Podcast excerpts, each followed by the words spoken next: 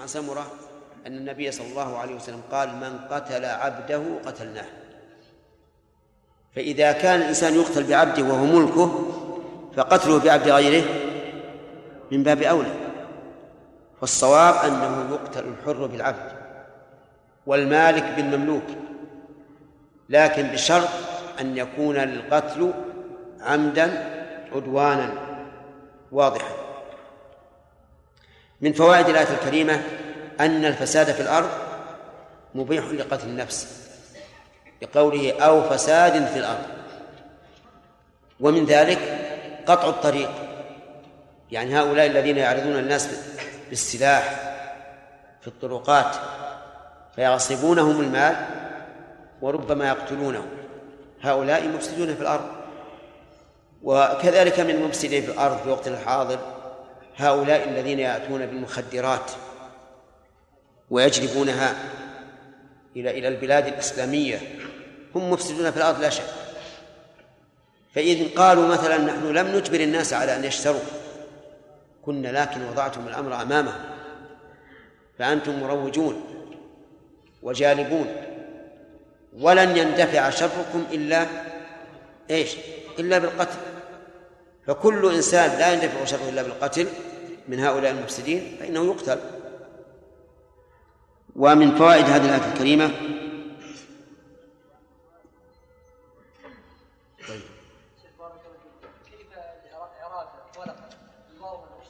نعم عاطف لا ما يمكن لأن لا الموصل موجود هنا ما وجد المقصد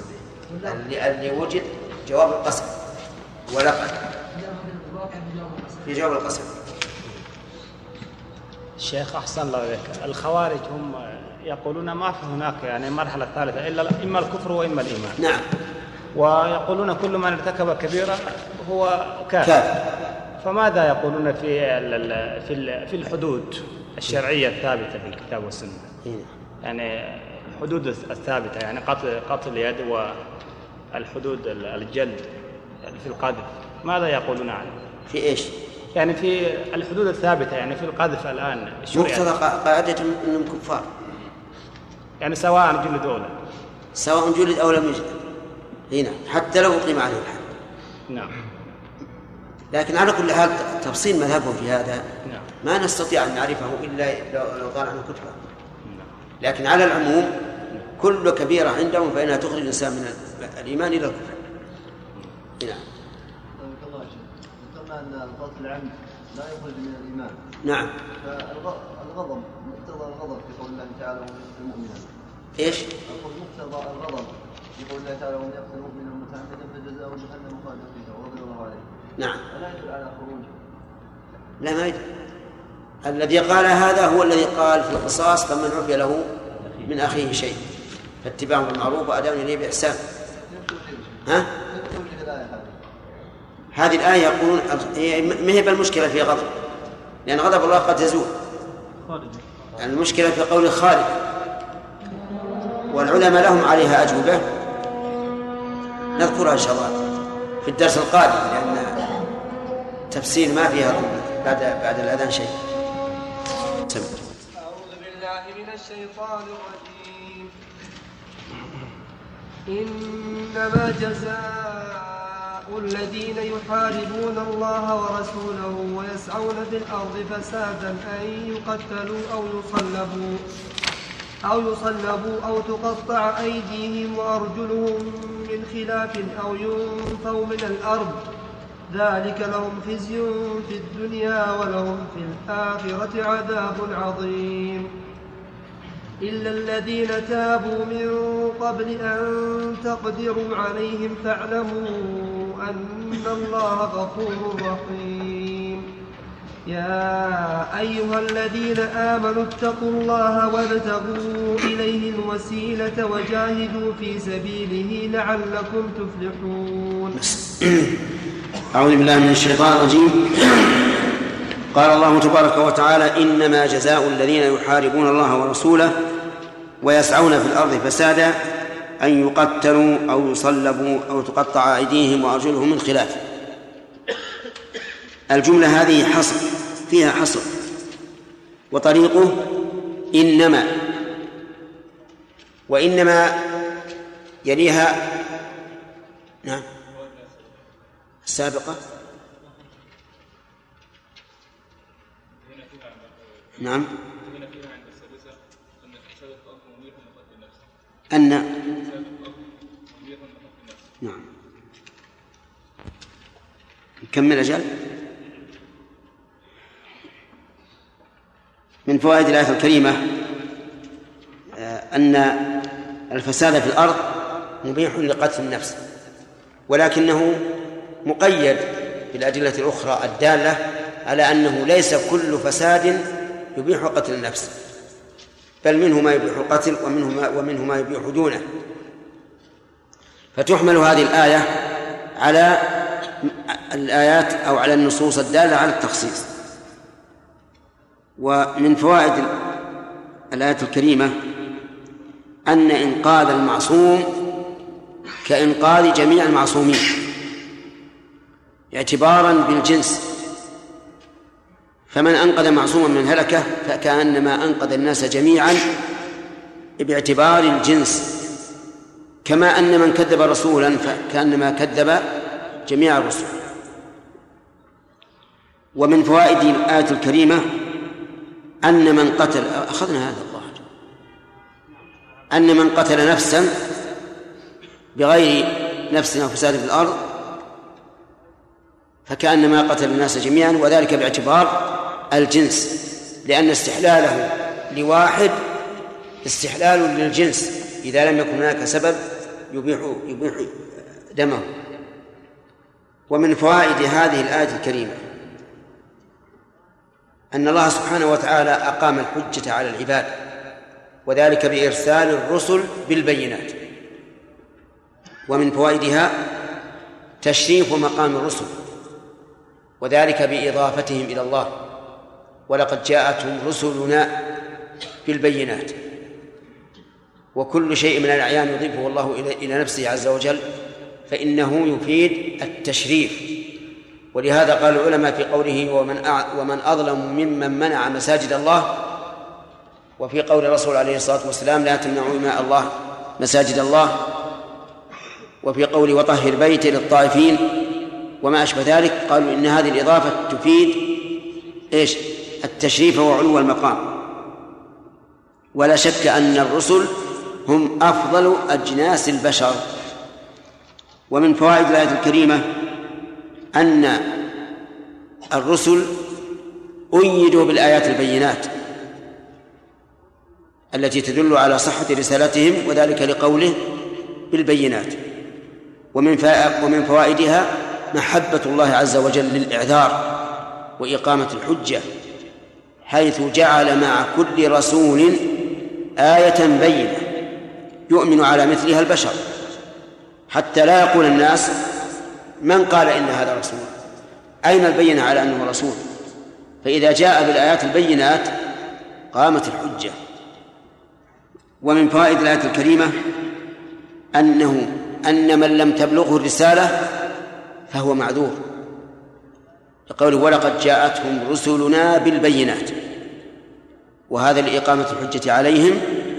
والآيات أو النصوص في هذا واضحة رسلا قال الله تعالى رسلا مبشرين ومنذرين لئلا يكون للناس على الله حجة بعد الرسل وقال تعالى وما كنا معذبين حتى نبعث رسولا ومن ومن فوائد هذه الآية الكريمة أنه لا بد أن يكون الرسول مبينا لقومه ما أرسل به لقوله بالبينات فإنه يشمل الآيات الدالة على صدقهم ويشمل الشرائع التي جاءوا بها وأنها بينة واضحة وهو والأمر كذلك فإن الله سبحانه وتعالى لم يخفي على العباد ما يكلفهم به فإن رحمته وحكمته تأبى ذلك ولهذا قال الله لرسوله صلى الله عليه وسلم لا تحرك به لسانك لتعجل به إن علينا جمعه وقرآنه فإذا قرأناه فاتبع قرآنه ثم إن علينا بيانه فالله تعالى قد بين للخلق وقال تعالى وما أرسلنا من رسول إلا بلسان قومه ليبين لهم ومن هنا نأخذ أهمية الترجمة يعني ينبني على هذه الفائدة وهي فائدة البيان أهم يرحمك الله أهمية الترجمة وأن على المسلمين أن يترجموا الشريعة إلى لغة من يخاطبونهم بها حتى تتم الحجة لأنك لو لو أتيت إلى قوم عجم وتكلمت عندهم بأبلغ وأفصح الكلام العربي ما استفادوا من هذا شيئا ولا يدرون ما تقول وعليه فمن أراد أن يذهب إلى قوم يدعوه من الله لا بد أن يتعلم لغتهم حتى يتمكن من دعوتهم أو يصطحب شخصا يترجم يكون عالما باللغتين الأصلية والفرعية ويكون ويكون له إلمام بموضوع الترجمة يعني موضوع ما يترجمه يعني نريد أن إذا كان مثلا نريد أن يترجم عن في الكلام على التوحيد لابد أن يكون عنده إلمام بذلك لئلا يفهم الأمر على خلافه ومن فوائد هذه الآية الكريمة أن بني إسرائيل مع الرسل المبينين لم يهتدوا بل كثير منهم بعد هذا البيان وبعد هؤلاء الرسل مسرفون متجاوزون للحد ومن أمثلة ذلك أنهم كانوا يقتلون النبيين بغير حق ويقتلون الذين يأمرون بالقسط من الناس ويقدحون في الرسل ويؤذون رسولهم الخاص الذي أرسل إليهم وهو موسى كما قال الله تعالى يا أيها الذين آمنوا لا تكونوا كالذين آذوا موسى فبرأه الله مما قال ومنها ومن هنا ويتبرع على هذه القاعدة أو على هذه الفائدة العلم بشراسة بني إسرائيل وأنهم أهل الغطرسة والاستكبار والتكذيب وما زالوا إلى يومنا هذا على هذا الوصف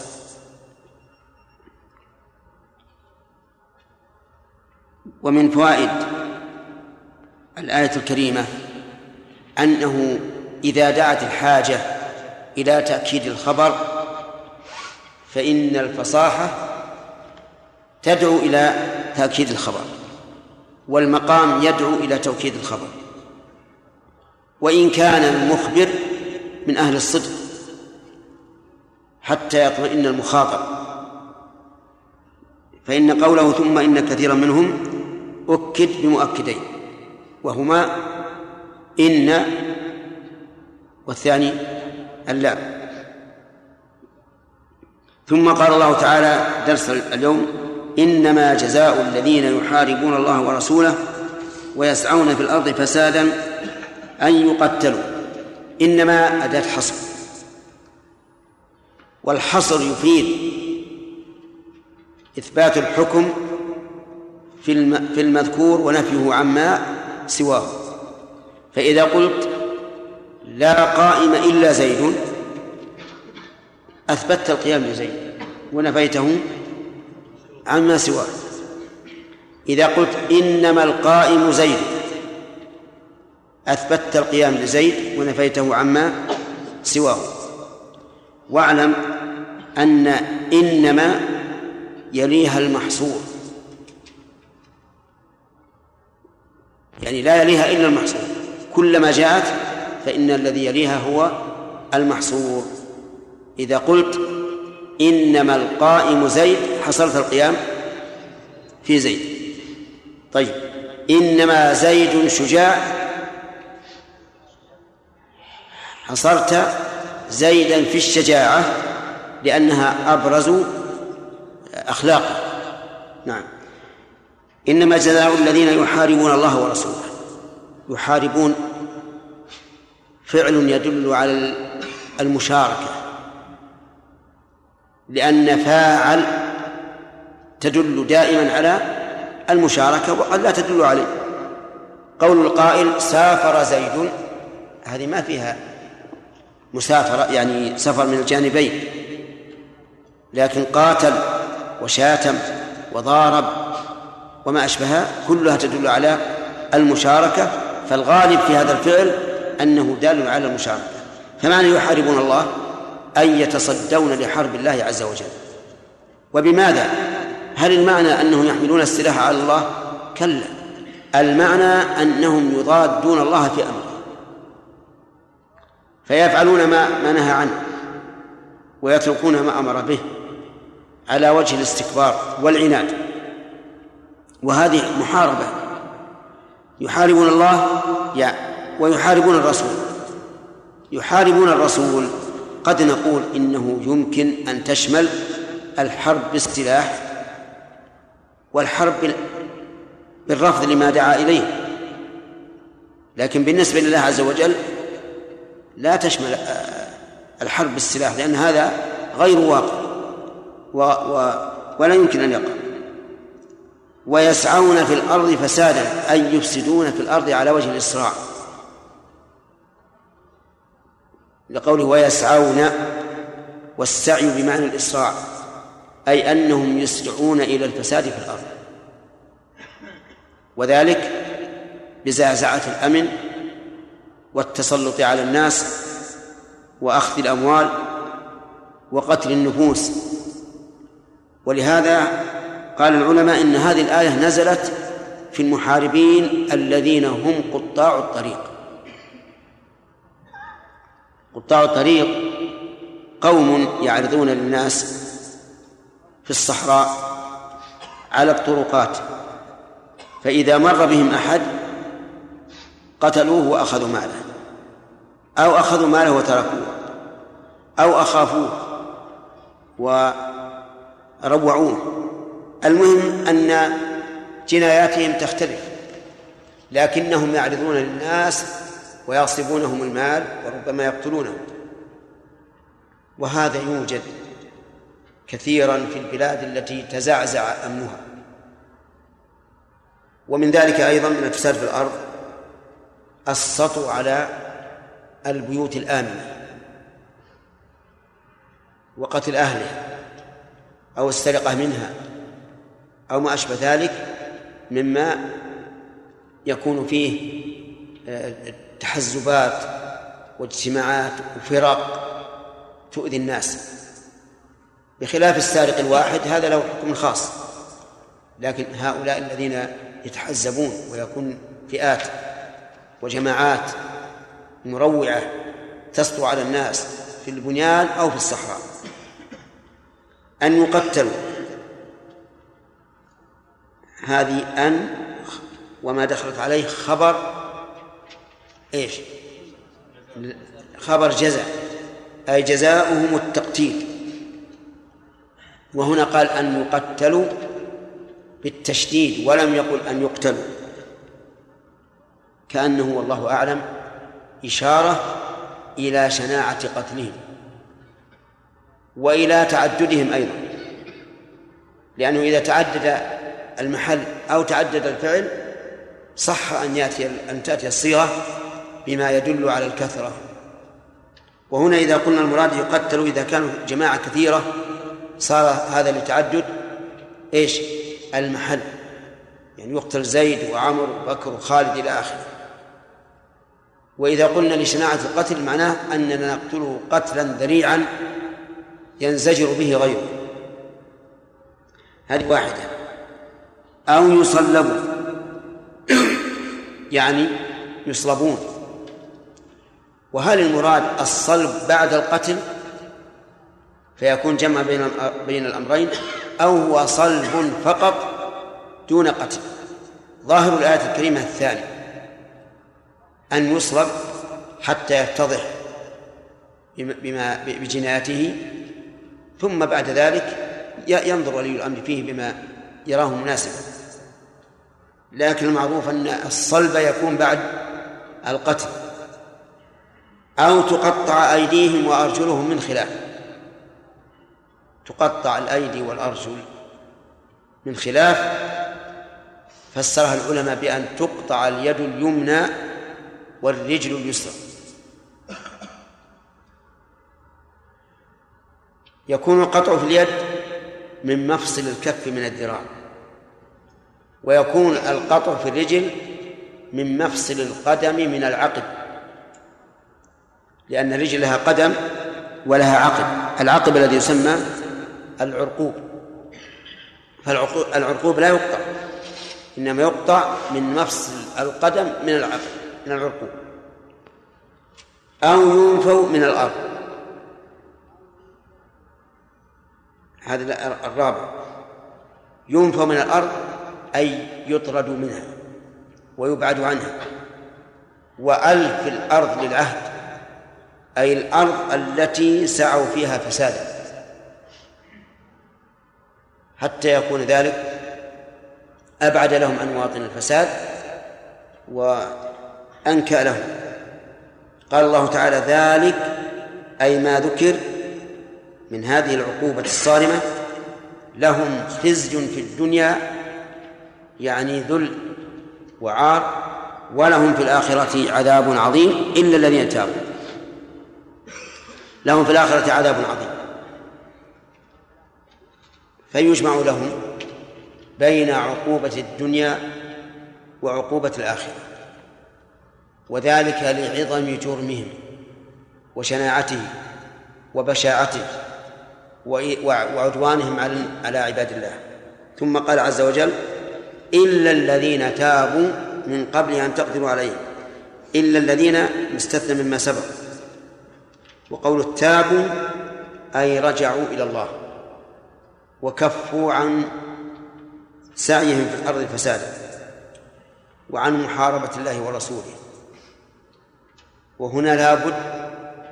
من أن يمضي مدة نعرف بها بها صحة أو نعرف بها صحة توبتهم بأن يضعوا السلاح ويكفوا عن الإيذاء وتظهر عليهم علامة التوبة والصدق وقول من قبل أن تقدروا عليهم يعني تابوا من ذات أنفسهم فوضعوا السلاح وكفوا عن قطع الطريق أنت معنا ولا لا ماذا قلت طيب قال الله تعالى فاعلموا أن الله غفور رحيم أي فاغفروا له وارحموه لأن الله سبحانه وتعالى لمغفرته ورحمته يرفع عنهم العقوبة في هذه الآية الكريمة بيان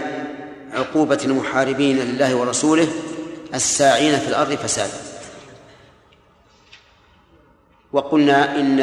المفسرين قالوا إنه يراد بذلك من قطاع الطريق الذين يعرضون للناس بالسلاح في الصحراء أو في البنيان ومن فوائد هذه الآية الكريمة شدة محاربة الله ورسوله وأن الإنسان إذا حارب الله ورسوله فإنه يخشى عليه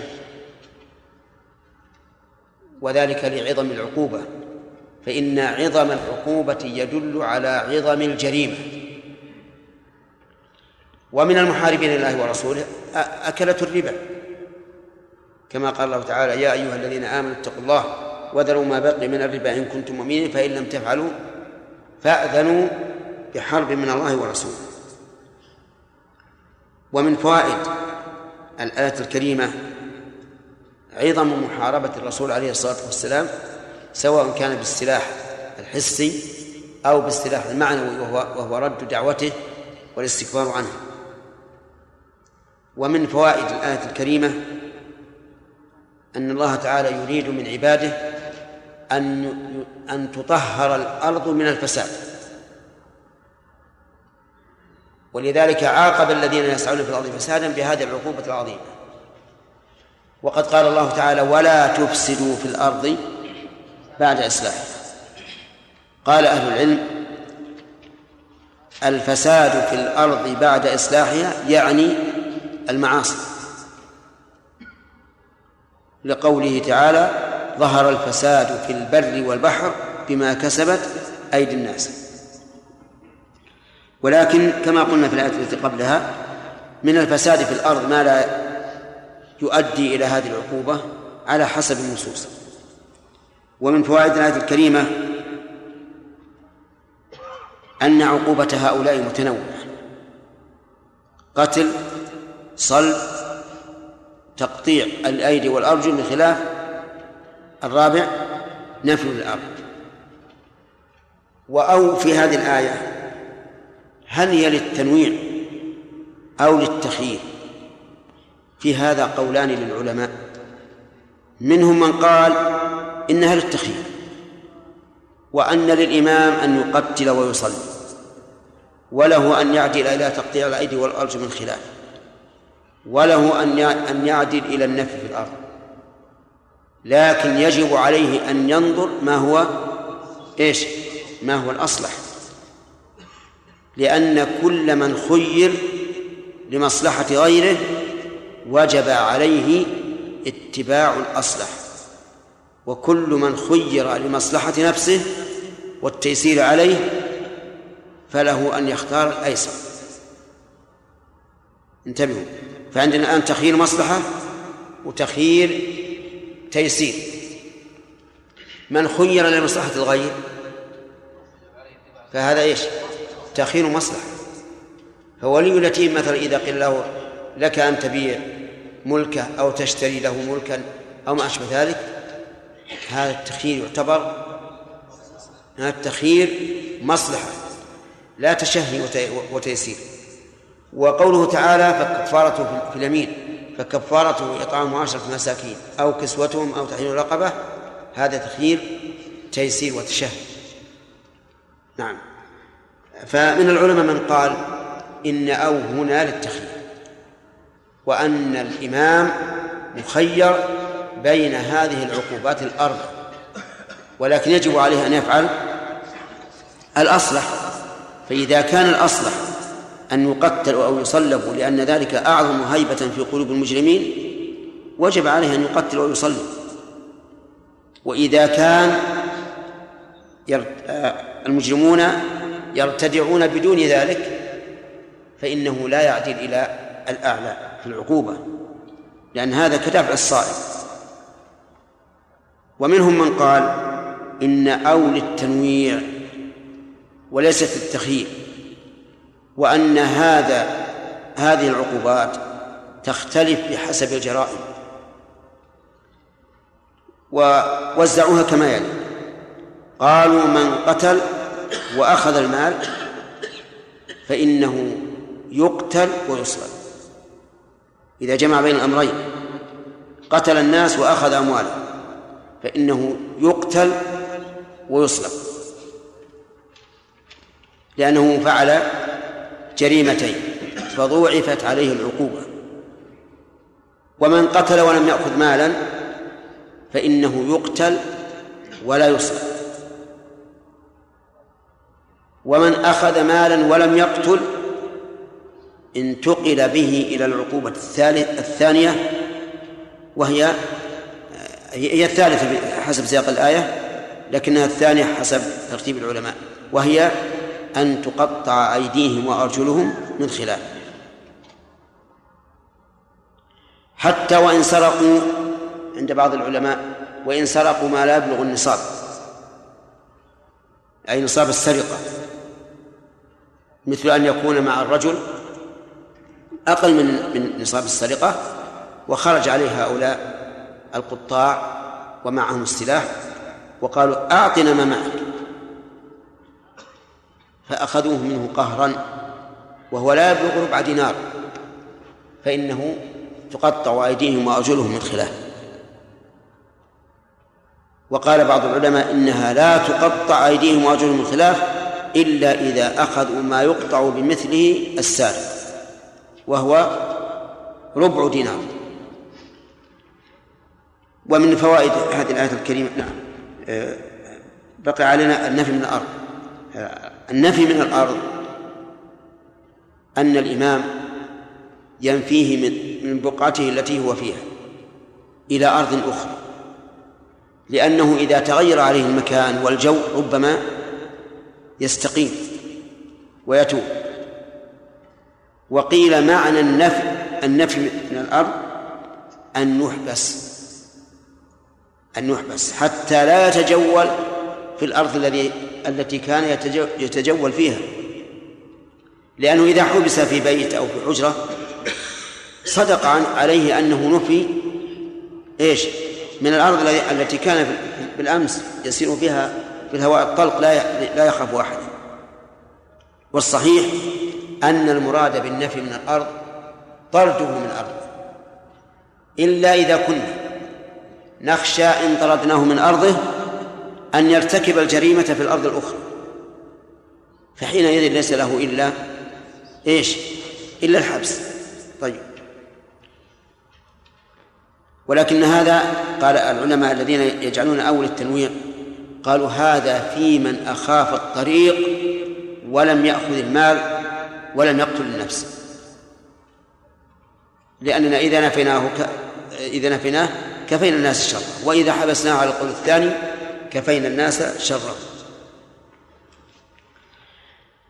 أي القولين أولى الثاني أضبط الثاني أضبط لأنه لأن الخيانة مأمونة فيه والأول أنسب لأن المقصود من الحدود التقويم تقويم الناس فإذا كانوا يمكن أن يقوموا بدون القتل والصلب قوموا لكن هذا لا تؤمن فيه الخيانة خيانة من؟ خيانة الإمام ولي الأمر فيقول هذا يستحق القتل والصلب وتأتيه القضية نفسها في وقت آخر فيقول هذا لا يستحق القتل والصلب لأن الثاني شريف والأول وضيع إيه، فمن قال بالتحديد وأن هذا لا بد منه بحسب الجريمة فقوله أقرب إلى الصواب من جهة الضبط وأنه لا يمكن أن يتعدى ما حد له ومن قال بأن ذلك بأن أولى التخيير وأن الإمام مخير فقوله أولى من حيث إن الحدود إيش لتقويم الخلق فإذا أمكن التقويم بما هو أقل وجب الاقتصار عليه فإن قال قائل هل وقع مثل هذا في عهد الرسول فالجواب نعم وقع قدم أناس من جهينة أو أو عرينة أو عكل أو من هؤلاء وهؤلاء قدموا المدينة فاستوخموها وأصيبوا بشيء من حماها فأمرهم النبي صلى الله عليه وسلم أن يلحقوا بإبل الصدقة ويشرب من أبوالها وألبانها ففعلوا فشربوا من أبوال الإبل وألبانها وزال عنهم الحمى زالت عنهم الحمى وصحوا فبدلوا نعمة الرسول عليه الصلاة والسلام كفرا سملوا عيني الراعي وسمنها أن نحمى حديدة مثل المخيط وتكحل بها العين والعياذ بالله وهذا التعذيب شنيع نسأل الله العافية ثم قتلوا الراعي واستاقوا الإبل فأرسل النبي صلى الله عليه وسلم في إثرهم وجيء به بعد أن ارتفع النهار فأمر بهم صلى الله عليه وسلم أن تقطع أيديهم وأرجلهم الخلاف وأن تسمل أعينهم بالمسامير لأنهم فعلوا ذلك في الراعي والقصاص قصاص واجب وأبقاهم في الحرة يستغيثون ولا يغاثون حتى إن الواحد منهم يأكل الثرى من العطش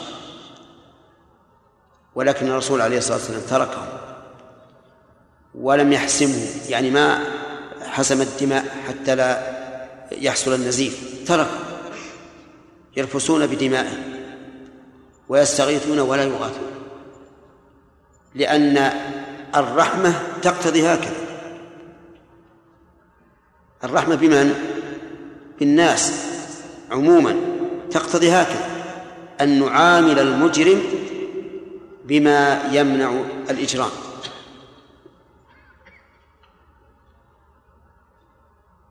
ومن فوائد هذه الآية الكريمة أن قطاع الطريق يجمع لهم بين العقوبة في الدنيا والآخرة من أين تؤخذ الأخ ذلك لهم خزي في الدنيا ولهم في الآخرة عذاب عظيم مع أنه ثبت عن النبي صلى الله عليه وسلم أن من أصيب بشيء من القاذورات يعني القبائح وحد عليها فإن الحد يكون كفارة يكون كفارة لذلك الذنب لكن لجرم هؤلاء لعظم جرم هؤلاء لم يكن الحد كفارة لهم بل كان لهم خزي في الدنيا ولهم في الآخرة عذاب عظيم ومن فوائد الآية الكريمة إثبات عذاب الآخرة لقوله ولهم في الآخرة عذاب عظيم وهل يؤخذ منها أن عذاب الآخرة أشد من عذاب الدنيا ربما يؤخذ من قوله عذاب عظيم ولهذا قال النبي صلى الله عليه وعلى آله وسلم في المتلاعنين قال إن عذاب الدنيا أهون من عذاب الآخرة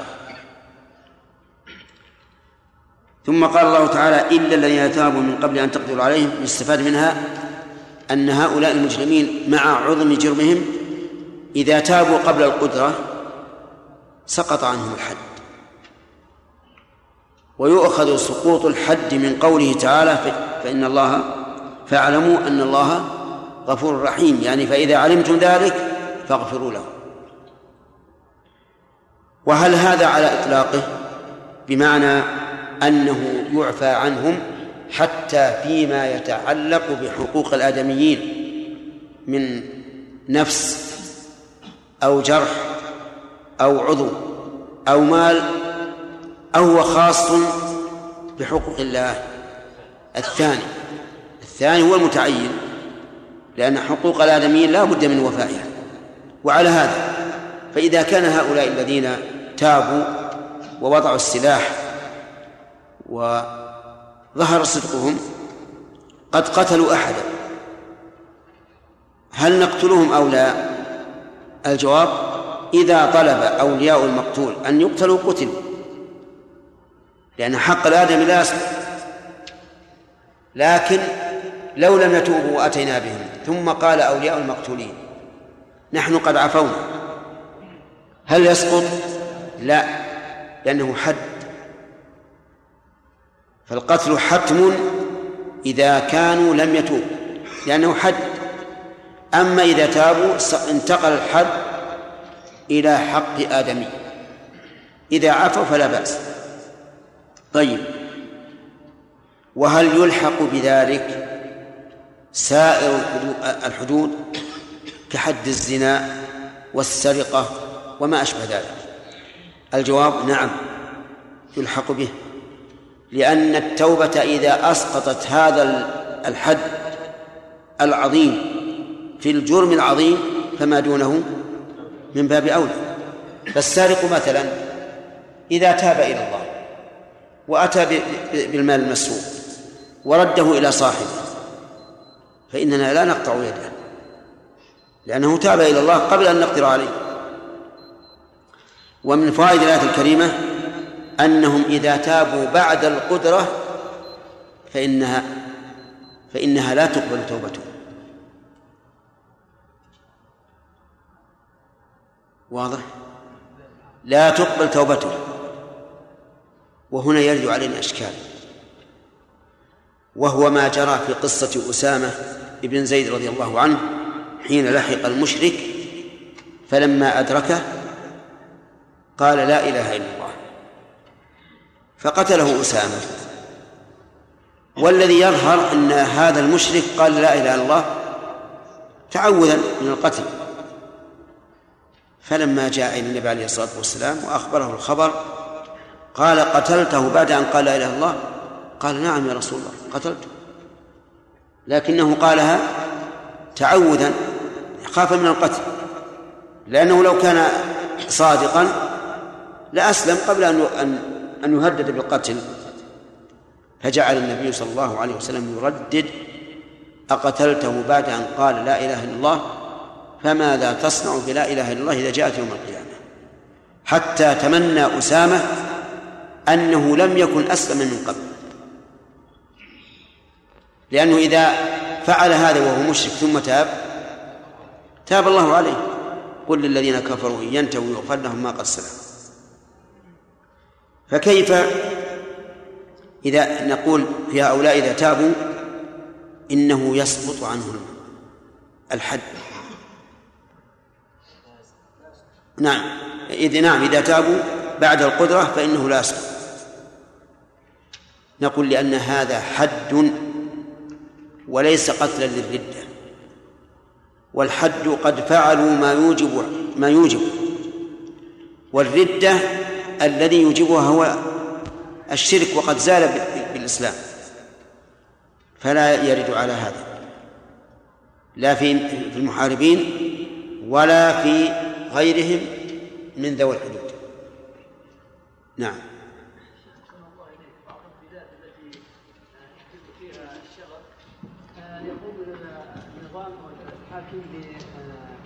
بعض الأمور حتى بإيش؟ بإنشاء آه، بعض القوانين حتى يرجعوا أولئك المحاربين بأن يكون مثلا آه، قانون العفو العام يعني يقولون حتى لو قتلوا وضربوا ونهبوا وما كل ما يفعلونه فإنه يعفى عليهم إذا وضعوا السلاح فهل له ذلك حتى أن يكف شرهم؟ هذا انما انما يجاء انما نجوزه إذا جاءت الحاجة إليه لأن كنا لا نقدر عليهم فيكون جائزا نعم ذكرنا شيخ في أول قصة أن من الفوائد أن الميت فإذا قال قائل إن يلزمكم من هذا أن تقولوا إن المغسل لا يرى شيئا من الميت نعم. هذه حاجة هذه حاجة ولذلك نقول إن الأفضل أن لا يمس سائره إلا بخرقة لكن في العورة المغلظة لا بد أن تكون مستورة الرؤيا كما قلت حاجة كما قلنا نعم مع أننا قلت العورة بالنسبة إلى وجوب تعميم الكفن له فهمت؟ ليس ليس بالنسبة للنظر ولهذا قبل أبو بكر النبي صلى الله عليه وسلم بعد موته مع أنه لا حاجة لذلك إنما هو شوقا إليه نعم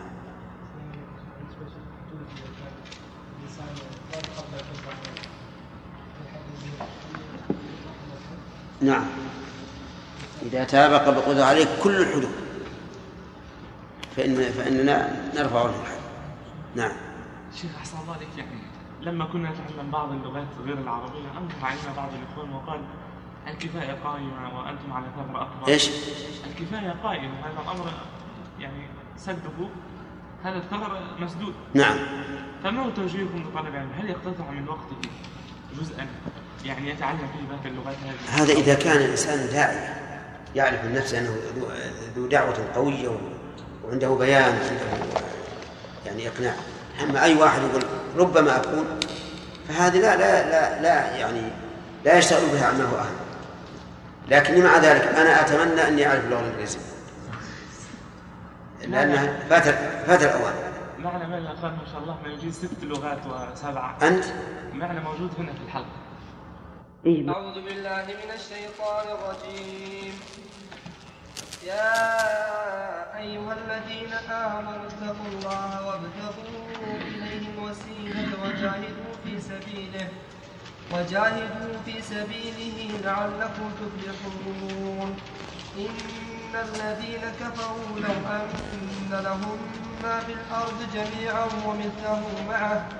ومثلهم معه ليفتدوا به من عذاب يوم القيامة ما تقبل منهم ولهم عذاب أليم يريدون أن يخرجوا من النار وما هم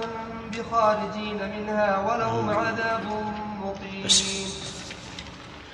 أعوذ بالله من الشيطان الرجيم قال الله تبارك وتعالى إنما جزاء الذين يحاربون الله ورسوله هذه الآية لم لم نمر على فوائدها أليس كذلك؟ مررنا كلها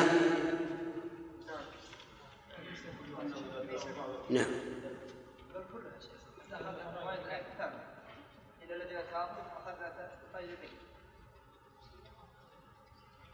طيب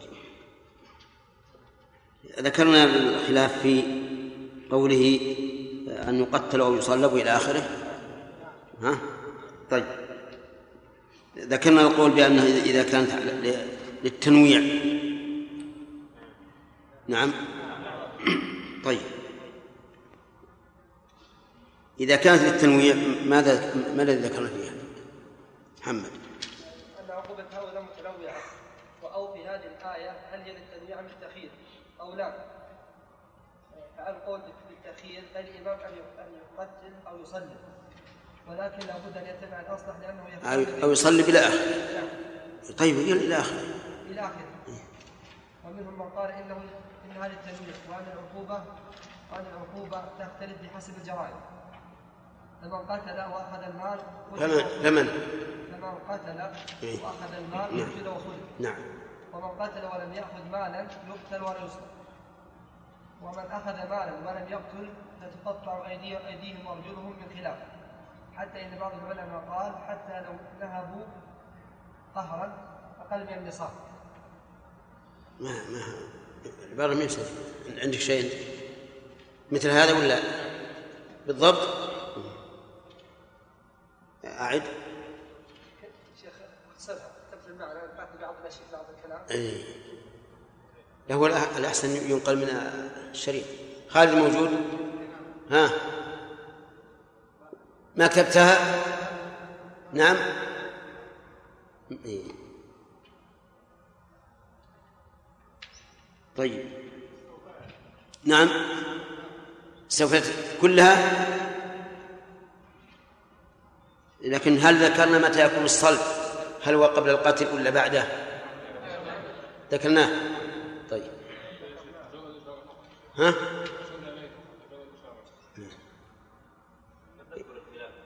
المهم ان ذكرنا انه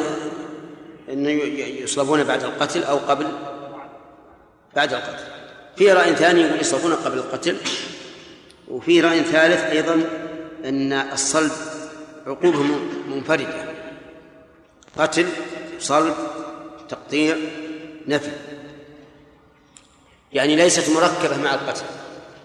وهذا القول هو ظاهر الآية أن يقتلوا أو يصلوا أو تقطع أيديهم وأرجلهم خلاف أو ينفى من الأرض فيكون الصلب غير القتل لكنهم أوردوا على هذا على هذا الرأي أنه كيف يبدأ بالأشد ثم بالأخف ويقال هذا لا, لا مانع منه القتل أشد ثم الصلب بدون قتل ثم تقطيع اليد والرجل والذين قالوا انه يصلب قالوا يترك حتى يموت وبعضهم قال بل يطعن بالحربة حتى يموت ويكون الأول قتل بلا صلب المهم الآن انتهينا من فوائدها طيب هل ذكرنا أنه يلحق بها بقية الحدود يقاس عليه بغير الحدود طيب قال الله تبارك وتعالى يا أيها الذين آمنوا اتقوا الله وابتغوا إليه الوسيلة وجاهدوا في سبيله لعلكم تفلحون هذا الآية فيها نداء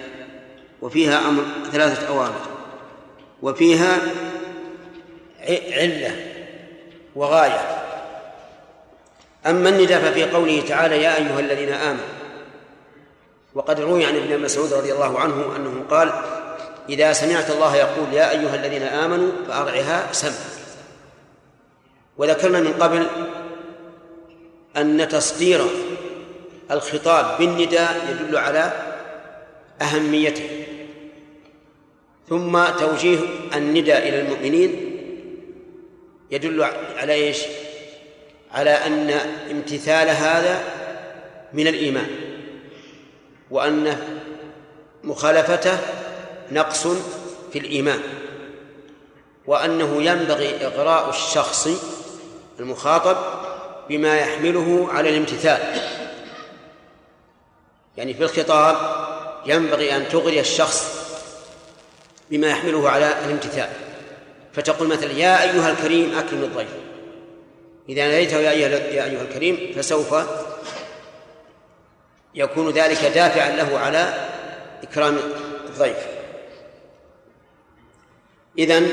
نقول أولا تصدير الخطاب بالنداء يدل على إيه، على أهميته توجيهه إلى الذين آمنوا فيه فوائد أولا أن الامتثال إيش من مقتضيات الإيمان وثانيا أن المخالفة نقص في الإيمان وثالثا إغراء المخاطب بهذا الوصف على الفعل لأن وصف الإنسان بالشيء الذي يحمله على الفعل والامتثال لا شك أنه يغريه ويزيده نشاطا وقوله عز وجل يا أيها الذين آمنوا تأتي هكذا مطلقة في كثير من الآيات فآمنوا بمن؟ نقول الإيمان فسره النبي عليه الصلاة والسلام أبين تفسير حيث سأله جبريل عن الإيمان فقال أن تؤمن بالله وملائكته وكتبه ورسله واليوم الآخر وعلى هذا فيكون آمنوا أي بما يجب الإيمان به وهي أركان الإيمان الستة اتقوا الله اتخذوا وقاية من عذابه وذلك وذلك بفعل الأوامر واجتناب النواهي على علم على علم لأن الإنسان قد يفعل شيئا مأمورا به لكن على غير علم أو يترك شيئا منه أو يترك شيئا منهيا عنه على غير علم لكن لا بد من العلم ليكون ذلك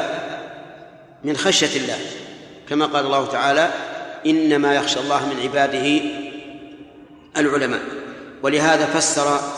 بعض العلماء التقوى بأنها أن تعمل بطاعة الله على نور من الله ترجو ثواب الله وأن تترك ما نهى الله على نور من الله تخشى عقاب الله والنور هو العلم ولهذا نقول أجمع ما قيل في تعريفها أنها امتثال أمر الله واجتناب نواهيه على علم حتى يحصل له الخشية لأنه إنما يخشى الله من عباده العلماء اتقوا الله آه، طيب هل نقول اتقوا الله نفسه أو اتقوا عذاب الله كلام صحيح لأن الله قال ويحذركم الله نفسه فحذرنا الله تعالى من نفسه عز وجل وإنما حذرنا منها لأنه قال لنا اعلموا أن الله شديد العقاب وأن الله غفور رحيم وهذا خبر أخبرنا به هو عز وجل وقال لنبيه نبئ عبادي أني أنا الغفور الرحيم وأن عذابي هو العذاب الأليم فإذا يحذرنا الله نفسه أن يعاقبنا على مخالفته اتقوا الله وابتغوا إليه الوسيلة اطلبوا إليه الوسيلة مفعول ابتغوا يعني اطلبوا الوسيلة إليه والوسيلة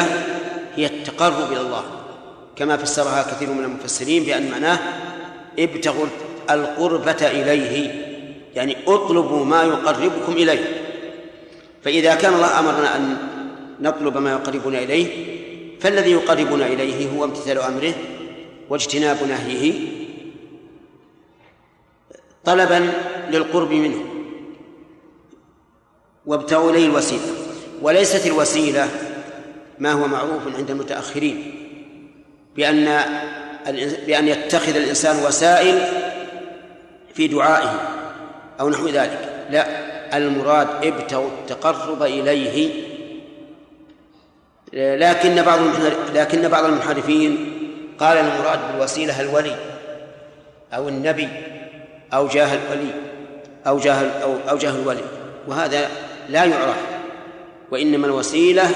الشيء الموصل إلى الله وإلى التقرب إلى عز وجل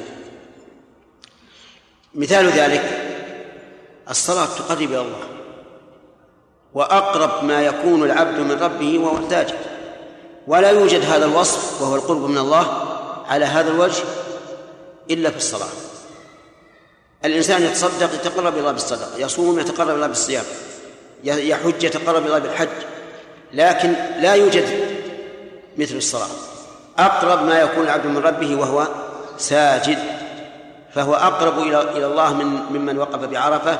أو على الصفاء أو على المروة أو يبي يطوف بالبيت ابتغوا إليه الوسيلة وجاهدوا في سبيله أي ابذلوا ابذلوا الجهد في إعلاء كلمته لأن الجهاد في سبيل الله أن يجاهد الإنسان أن يقاتل الإنسان لتكون كلمة الله هي العليا والمراد بالسبيل هنا دين دينه لأنه هو الطريق الموصل إليه تبارك وتعالى وقول جاهدوا بسبيله هذا أمر ويأتينا إن شاء الله في استنباط الفوائد أنه أمر مشروط بالقدرة كغيره من الأوامر وجاهدوا في سبيله لعلكم تفلحون لعل هنا للتعليل أي لأجل أن تفلحوا والفلاح كلمة جامعة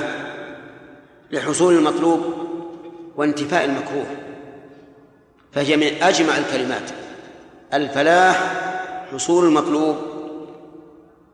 وإيش وانتفاء المكروه في هذه في هذه الآية الكريمة بلاغة القرآن الكريم حيث حيث تتنوع فيه الأساليب أو حيث تتنوع فيه العبارات بالنداء تارة والأمر تارة والنهي تارة والحظ والعرض تختلف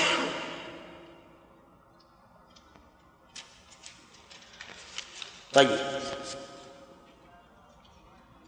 وفيها ومن فوائد هذه الآية الكريمة أن من البلاغة أن أن نستعمل ما يكون به التنبيه في الأمور الهامة وجهه أن الله صدر هذه الأوامر الثلاثة المهمة بالنداء ومن فوائده أن الإيمان يحمل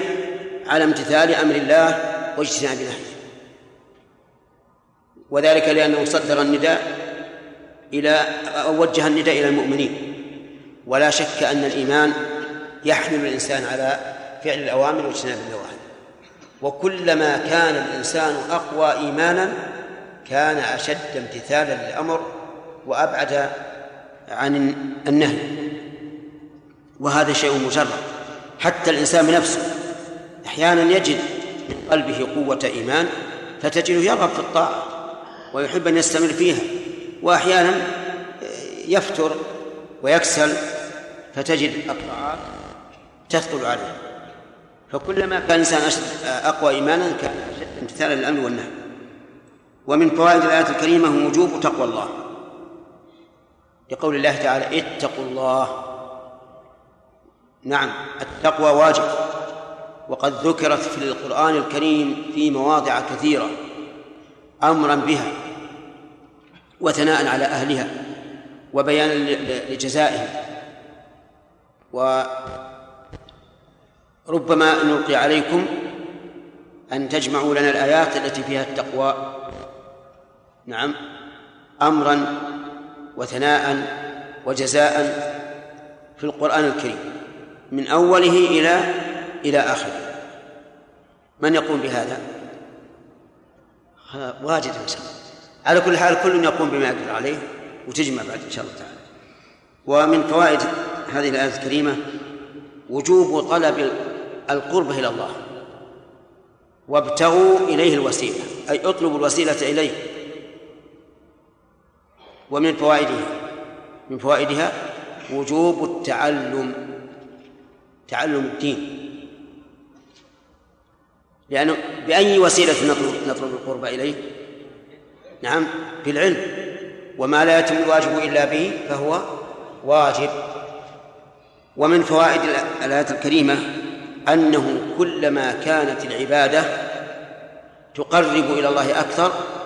كان الاهتمام بها أكثر لأن الحكم يدور مع علته فإذا قيل أسلك الطريق اللي إلى الله فإن من المعلوم أن ما يكون أقرب أو أشد تقريبا فهو أولى وبه نأخذ أو ومنه نأخذ منه نأخذ أن الأعمال تتفاضل بعضها أفضل من بعض وهذا أمر قررته الشريعة فجنس الواجب أفضل من جنس التطوع يعني الصلاة المفروضة أفضل من النافلة الصدقة الزكاة أفضل من صدقة التطوع الصوم الواجب أفضل من النفل الحج الواجب أفضل من النفل هذا باعتبار الجنس يتفاضل باعتبار نوعه كذلك أيضا الجنس يتفاضل باعتبار الأجناس فمثل الصلاة على وقتها أحب إلى الله أحب الأعمال إلى الله كما سأل ابن مسعود رضي الله عنه النبي صلى الله عليه وسلم أي أي العمل أحب إلى الله؟ قال الصلاة على وقتها قلت ثم أي؟ قال بر الوالدين قلت ثم أي؟ قال الجهاد في سبيل الله فالأعمال فيما بينها تتفاضل فالأجناس تتفاضل وأنواع الجنس إيش تتفاضل وما هو مناط مناط معرفة الفاضل هو الكتاب والسنة هو الكتاب والسنة طيب وهنا مسألة هل نعم من هو الأفضل أرجل يفعل العبادة بانقياد وانشراح صدر وقبول وآخر يفعلها بمشقة شديدة ويجاهد نفسه عليها الأول أفضل مقاما وأعلى منزلة والثاني يؤجر على مشقة المجاهدة أكثر من ذلك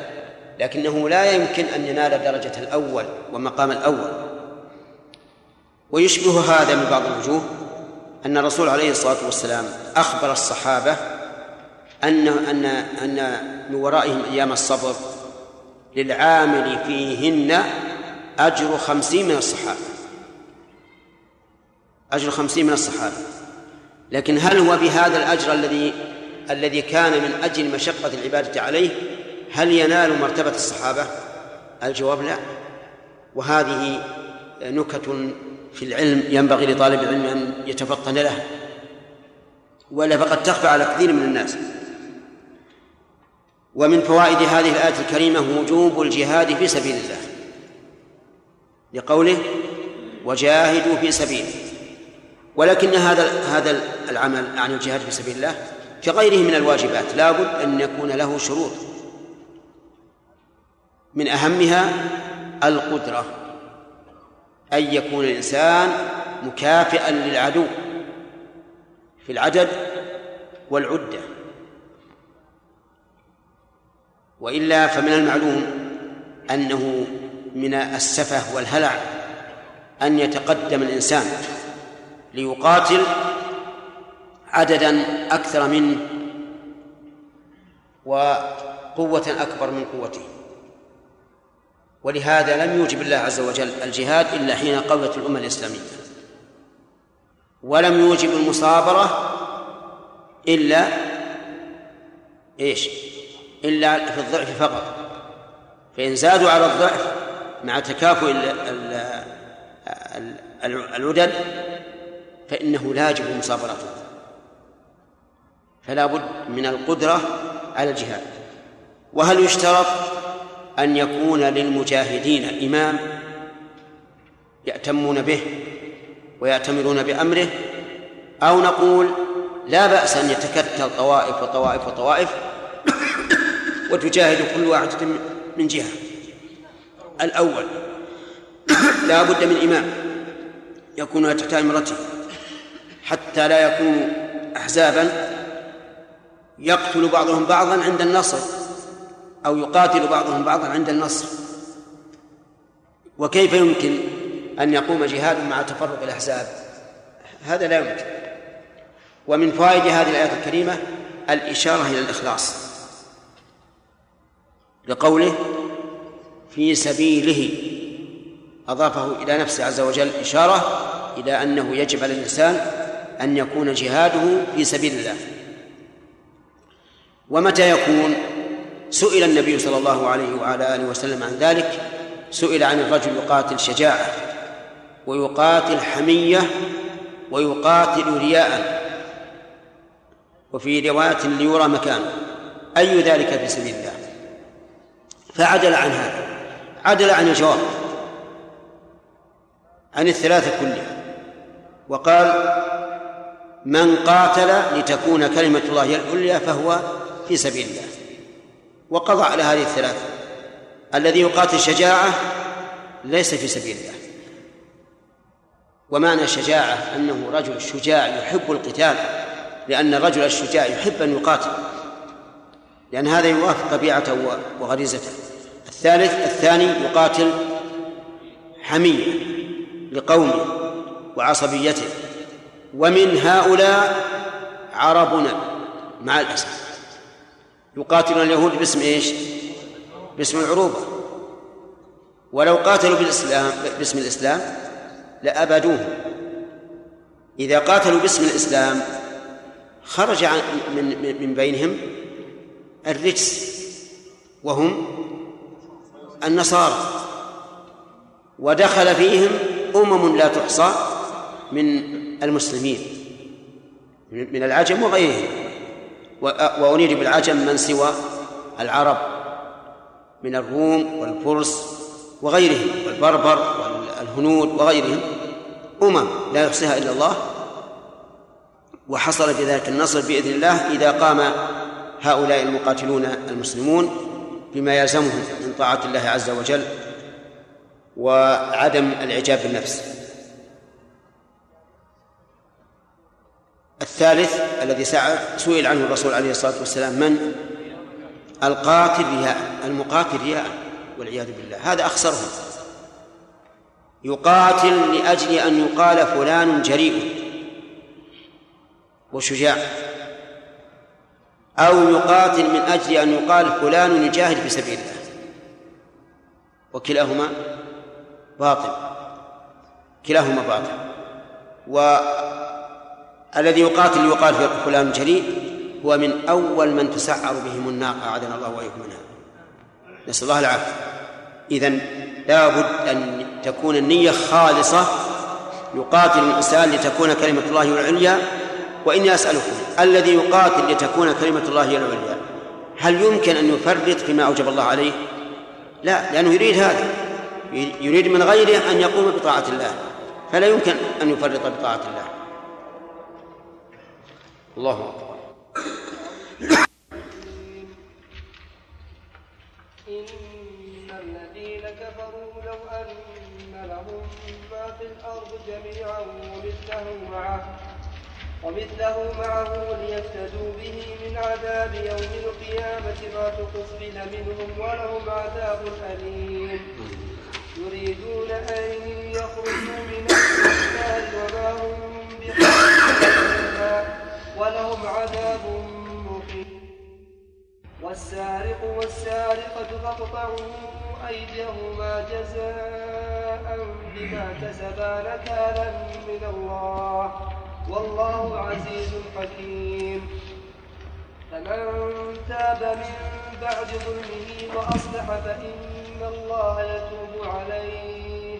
إن الله غفور رحيم أعوذ بالله من الشيطان الرجيم لما بين الله تبارك وتعالى أمر عباده المؤمنين أن يتقوا الله ويبتغوا إليه الوسيلة ويجاهدوا في سبيله وبين عاقبة هذا بأنه الفلاح بين عاقبة من لم يقم بذلك من الكفار فقال تعالى إن الذين كفروا لو أن لهم ما في الأرض جميعا ومثله معه ليفتدوا به من عذاب يوم القيامة ما تقبل منه في الإعراب عند إن الذين كفروا هذه تحتاج إلى خبر خبرها جملة الشر لو أن لهم ولو أن لهم تحتاج إلى جواب جوابه قوله جواب جوابها قوله ما تقبل منه والجملة من الشرط وجوابه هي خبر إن في قوله إن الذين كفروا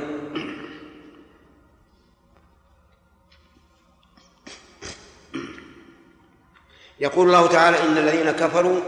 لو أن لهم لو هذه شرطية ولو الشرطية لا تدخل إلا على جملة فعلية فأين الجملة الفعلية والذي بعدها أن المفتوحة وهي نائبة مناب مصدر يقال في الجواب إن فعل الشرط محذوف والتقدير لو ثبت أن لهم لو ثبت أن لهم ما في الأرض جميعا إلى آخره وقول لو أن لهم ما في الأرض ما اسم موصول يفيد العموم أي جميع ما في الأرض من معادن وأشجار وبحار وأنهار وحيوان وآدمي وكل شيء في الأرض ومثله معه إضافة فبذلوه ليفتدوا به من عذاب يوم القيامة وقولنا فبذلوه إشارة إلى أن اللام في قول ليفتدوا به متعلقة بهذا المحذوف وقول ليفتدوا به أي ليبذلوه فداء عما لهم من العذاب ما تقبل منه أي ما تقبل الله منهم ذلك لأنهم قد حقت عليهم كلمة الله وحق عليهم العذاب ولهذا قال ولهم عذاب أليم لهم عذاب أليم أليم هنا بمعنى بمعنى مؤلم ففي هذه الآية يخبر الله عز وجل أن أن الكفار لن ينجوا من عذاب الله مهما بذلوا من الفداء فإنهم لن ينجوا منه وأن عذابهم أليم أي مؤلم واقرأ قول الله تبارك وتعالى كلما نضجت جلودهم بدلناهم جلودا غيرها ليذوقوا العذاب تعرف كيف كان هذا كيف كان هذا الإله ففي الآية فوائد منها شدة عذاب الكفار ومنها أنهم لن يستطيعوا أن يفتدوا بما يمكن أن يملك أن يفتدوا من هذا العذاب ومنها أن الله سبحانه وتعالى أراد منهم ما هو أيسر من ذلك وهم في زمن الإمكان وهذا في في أي وقت في الدنيا ولكنهم أبوا فيتحسرون في الآخرة أن يجدوا فداء ولم يجدوا ومن فوائد هذه الآية الكريمة إثبات يوم القيامة لقوله ليفتدوا به من عذاب يوم القيامة ومنها أن الافتداء بعد حلول العذاب لا ينفع لقوله ما تقبل منه وهذا كقوله تعالى وليست التوبة للذين يعملون السيئات حتى إذا حضر أحدهم الموت قال إني تبت الآن لأنه قد فات الأوان وحل العذاب وشاهد الإنسان عالم الغيب فلا يقبل منه ومن فوائد هذه الآية الكريمة أن عذاب هؤلاء أن عذاب الكفار عذاب مؤلم والعياذ بالله وهل هو مهلك؟ الجواب لا ليس بمهلك لأنهم لا يموتون ولا يحيون حتى إنهم يتمنون الموت ولكن لا يحصل يقولون يا مالك ليقضي علينا ربك وهذا دعاء أن الله يقضي عليهم فيريح فيريحوا ولكنه يقول لهم إنكم ماكثون ومن فوائد هذه الآية الكريمة الرد على من قال إن أهل النار يتأقلمون فيها ولا يحسون بألم ولا بعذاب وإلا لما بقوا موجودين لأن حرارة النار أعاذنا الله وإياكم منها أعظم من من نار الدنيا بتسع وستين جزءا فيقال إن الله تعالى يؤلمهم ولكنه يبدل جلودهم كلما نضج الجلد بدلوا بجلد آخر ليذوقوا العذاب فإن قال قائل أليس في ذلك ظلم لهؤلاء لأن هذا عقوبة عظيمة فيقال لا ظلم لأنهم أنذروا وبين لهم وتوعدوا بهذا العذاب وأتوه من قبل أنفسهم كما قال الله تعالى وما ظلمونا ولكن كانوا أنفسهم يظلمون وإنما أوردت هذا الإيراد لأن بعض القائلين بأن النار تفنى وهو قول شاذ منكر لا شك يقولون إن إن حكمة الله تعالى ورحمته تأبى أن نعذب هؤلاء أبد الآبدين مع أن وجودهم في الدنيا كان قليلا لا ينسب إلى العذاب المؤبد فيقال إنه قد قامت عليهم الحجة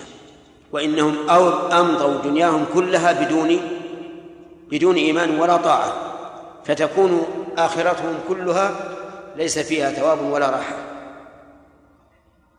ثم قال عز وجل يريدون أن يخرجوا من النار وما هم بخارجين منها الإرادة هنا يحتمل أن تكون معناها أن يكون معناها المحبة لأن الإرادة تأتي بمعنى المحبة كما قال الله تبارك وتعالى والله يريد أن إيش أن يتوب عليكم ومعلوم أن هذه الإرادة بمعنى المحبة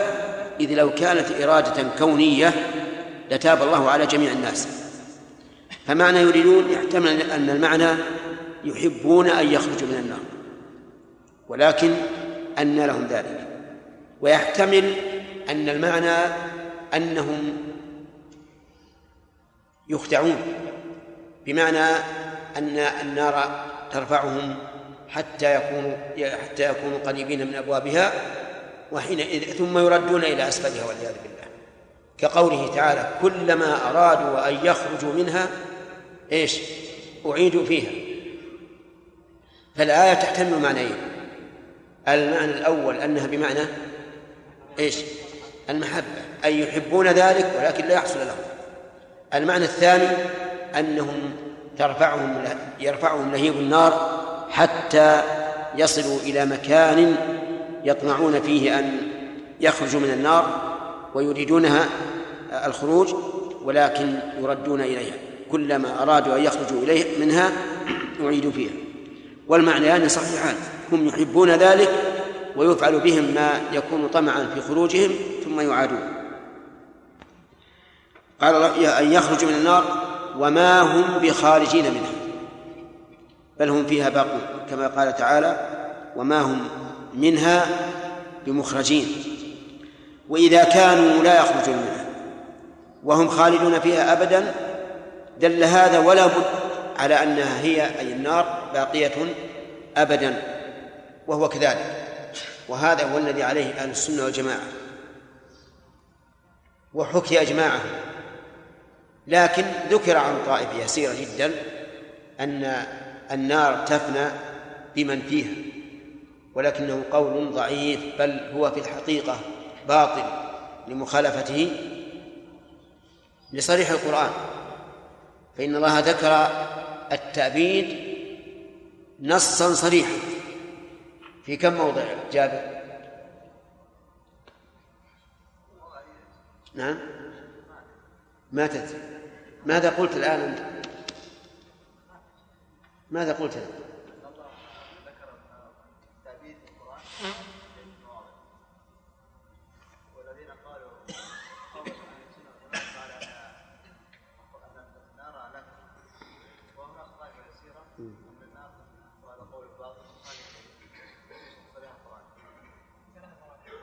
في ثلاث مواضع الموضع الأول في سورة النساء اقرأ الآية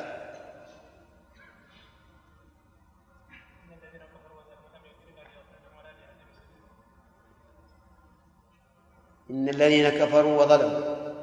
لم يكن الله ليغفر لهم ولا ليهديهم طريقا إلا طريق جهنم خالدين فيها أبدا والموضع الثاني في سورة الأحزاب اقرأ إن الله لعن الكافرين وأعد لهم سعيرا خالدا فيها أبدا آه، الموضع الثالث نعم يلا يلا أنا أشير إلى صالح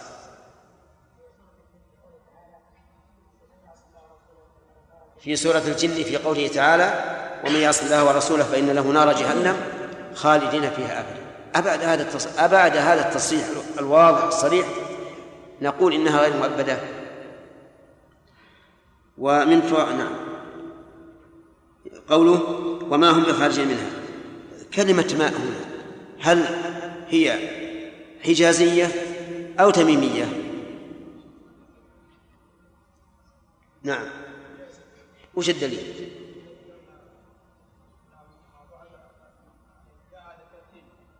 كيف؟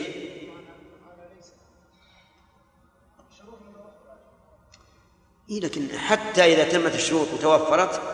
فالتميميون لا ينصبون خبره نعم إيه لكن ما دليلك نعم ها ما الدليل على عمل الإنسان ما الدليل الخبر مجهول بالباء وما هم بخارجين منها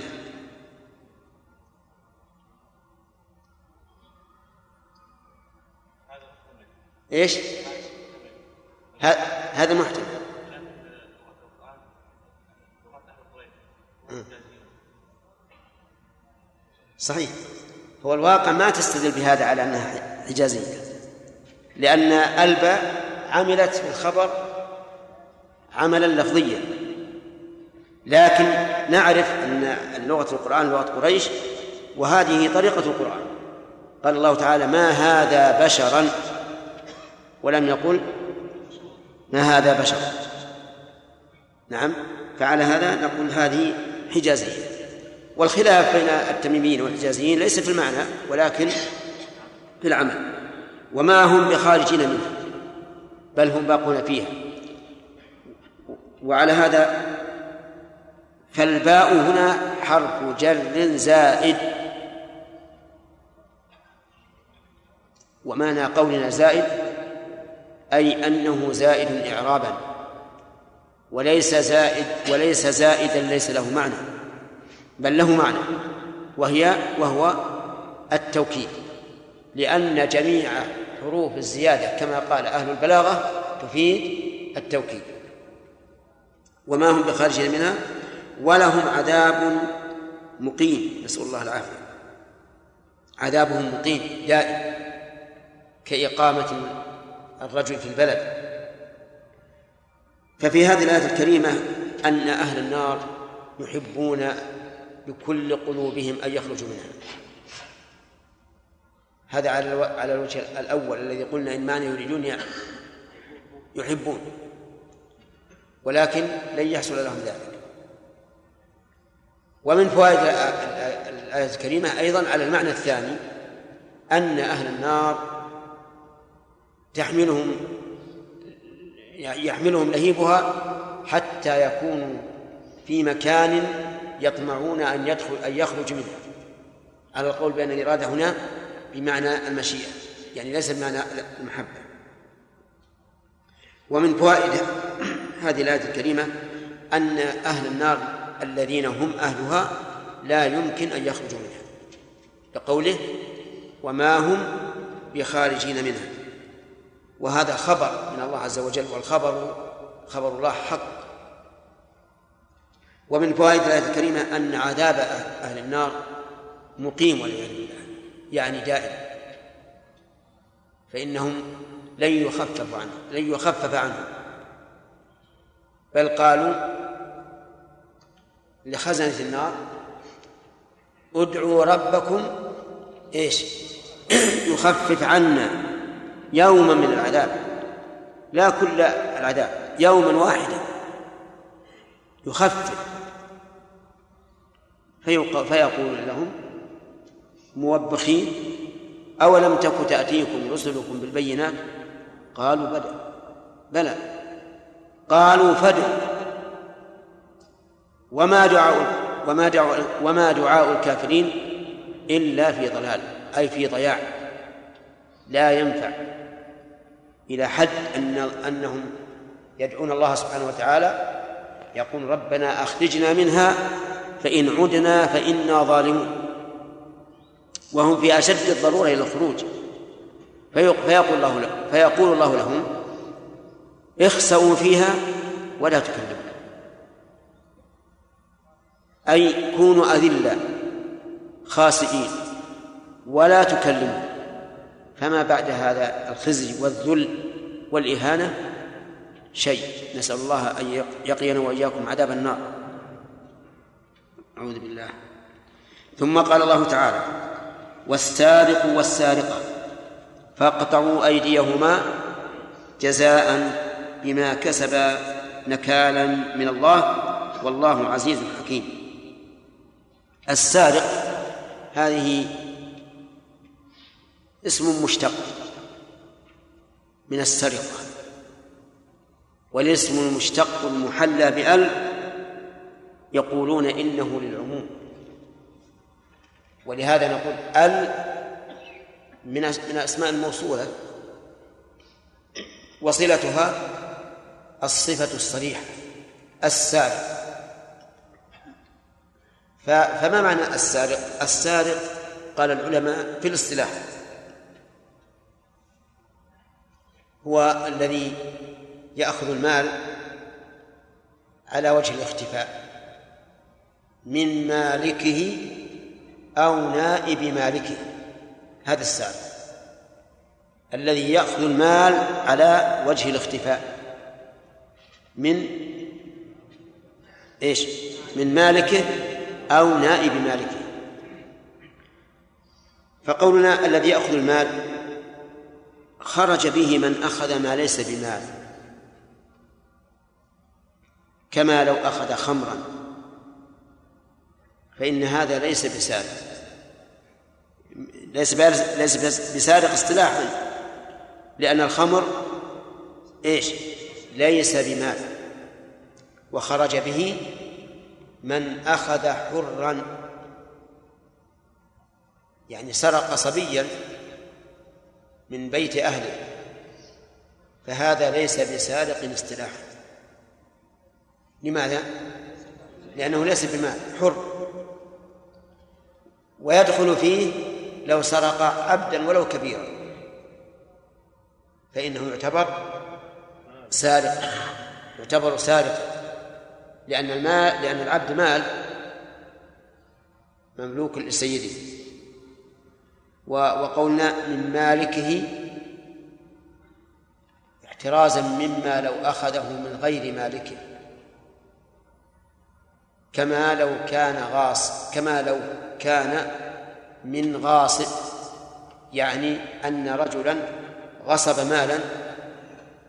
فسرقه سارق أي سرق هذا المال المغصوب فإنه لا يعد سارقا اصطلاحا وإن كان يعد سارقا لغة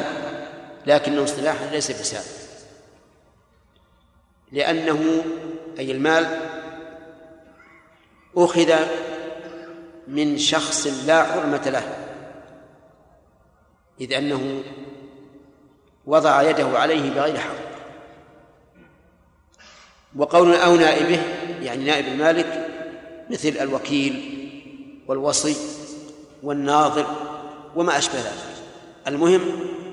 أنه إذا أخذ المال من نائب المالك فهو سارق وعلى هذا فالذي يسرق من الدكاكين التي فيها أموال للغير يحرج عليها صاحب الدكان هل يعتبر سارقا؟ المال اللي في الدكان ليس لصاحب الدكان هو يبيع للناس نقول نعم انه نائب عن المالك فإذا قال السارق أنا ما أنا لم أسرق هذا المال من مالك قلنا آه، لكنك سرقته من من نائب المالك على وجه الاختفاء على وجه الاختفاء احترازا مما لو أخذه قهرا فإنه لا يعد سارقا بل يعد غاصبا وكذلك نعم لو أنه أخذه وهو مار وفي يد شخص ساعة يحرج عليها ينادي عليه في مروره خطفه ومشى هل هو سارق؟ لا لأن هذا غير مختفي لكنه منتهب أو مكتب